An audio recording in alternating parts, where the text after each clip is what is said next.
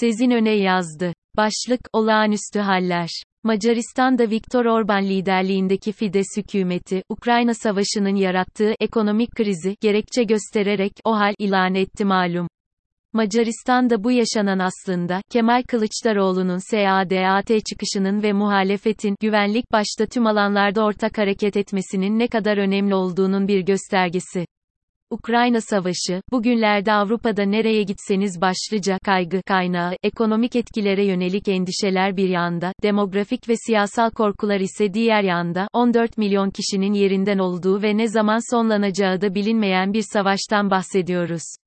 Yaklaşık 7 milyon Ukraynalı, ülke sınırları dışına çıktı, kalan 7 milyon ise, ülkeleri içinde yerlerinden oldu.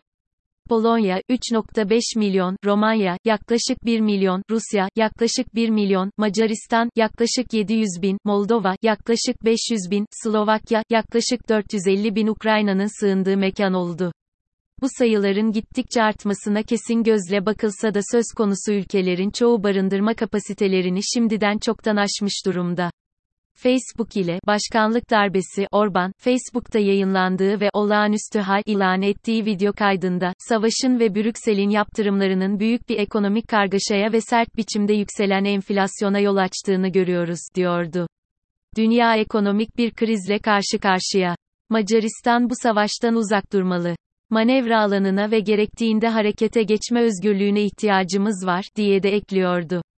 Görüldüğü gibi, o hal ilanı gibi temel hak ve özgürlükleri kısıtlayıcı bir adımda özgürleştiriciymiş gibi yansıtılabiliyor.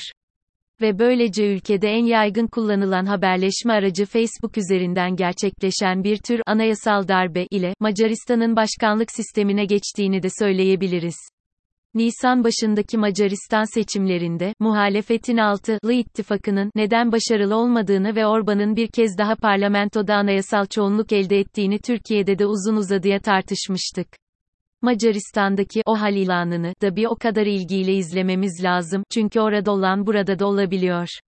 Ve hatta, Başbakan Orban, göçmen, mülteci krizini ortaya atarak kendine siyasi kazanımlar sağlaması örneğinde olduğu gibi oldukça vizyoner. Meclisten de kolaylıkla geçirilevirin, Orban'ın o halin kendisine ne gibi yetkiler tanıyacağına da kendisi karar verecek. Futbolu da çok seven Orban, iktidarının 12. yılında kendine tek kale maç yapma özgürlüğünü ve yetkisini de hediye etmiş oluyor. Kaotik bir dünyada olduğumuzu unutmamalı Orban, neden Macaristan'da o hal ilan edebiliyor? Çok net ve basit bir özetle, çünkü yapabiliyor. Çünkü önünde duracak hiçbir şey yok. Çok kaotik bir dünyadayız. Ukrayna Savaşı, biz her ne kadar Türkiye'de fazla üzerine konuşmasak ve hissetmesek de küresel çapta hepimizi aldı ve duvara çarptı. ABD'de Joe Biden yönetimi, her ne kadar Ukrayna konusunu fazlasıyla sahiplense de Amerikalıların gündemi hızla değişiyor. Öncelikle, ABD'nin gündemi şu aralar öncelikli olarak iç siyaset. Kasım 2022'deki ön seçimler, Biden ve demokratların da başlıca odak noktası haline geliyor. Ve bu ön seçimleri ABD, 2024'te Donald Trump'ın veya hatta Cumhuriyetçilerden Trump'ı bile aratacak politikalara sahip bir adayın seçilebilme ihtimalinin giderek yükseldiği bir ortamda gidiyor. Teksas'ta 24 Mayıs'ta bir ilkokula gerçekleşen silahlı saldırının yarattığı travmanın, ülkeyi acıda birleştirmek bir yana, siyasi bakımdan daha da kutuplaştırdığını gördük.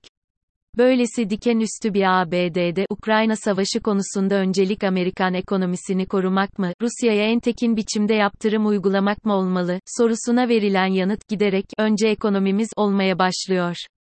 Associated Press NEORC Center for Public Affairs Research'ın araştırmalarına göre, Mart'ta, öncelik Rusya'yı yaptırımlarla cezalandırmak olmalı, diyenler %55'lik bir çoğunluk iken, şimdi ise %45'e zor varıyor. Savaş uzadıkça ve Kasım'daki ön seçimler yaklaştıkça da önce Rusya'yı sıkıştırmak diyenlerin daha da azalacağını öngörebiliriz. Öte yandan, Çin'de Xi Jinping'in Kasım'da üçüncü kez lider olarak belirlenmesine kesin gözle bakılırken, orada da işler karışıyor.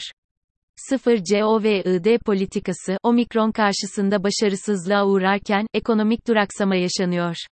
ABD Güvenlik Danışmanı Jack Sullivan'ın bu hafta övündüğü gibi, 1979'dan beri, ilk kez ABD'nin büyüme oranı Çin'i geçiyor. Nokta. Xi Jinping de durum böyle giderse, yeniden liderliği garantileyemeyebilir.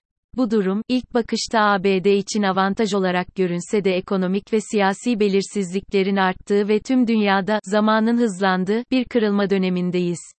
Yeni ve bambaşka bir mülteci krizi, ekonomik geriye kayış, enerji kaynaklarına ilişkin belirsizlikler de Avrupa'yı yorarken, Orban da önünde bir engel görmüyor. Türkiye'de de bir engel görülmeyebilirdi. O engel, muhalefet ve başarıyla yürüttükleri takım oyunu ve tabii tribünlerin coşkusu.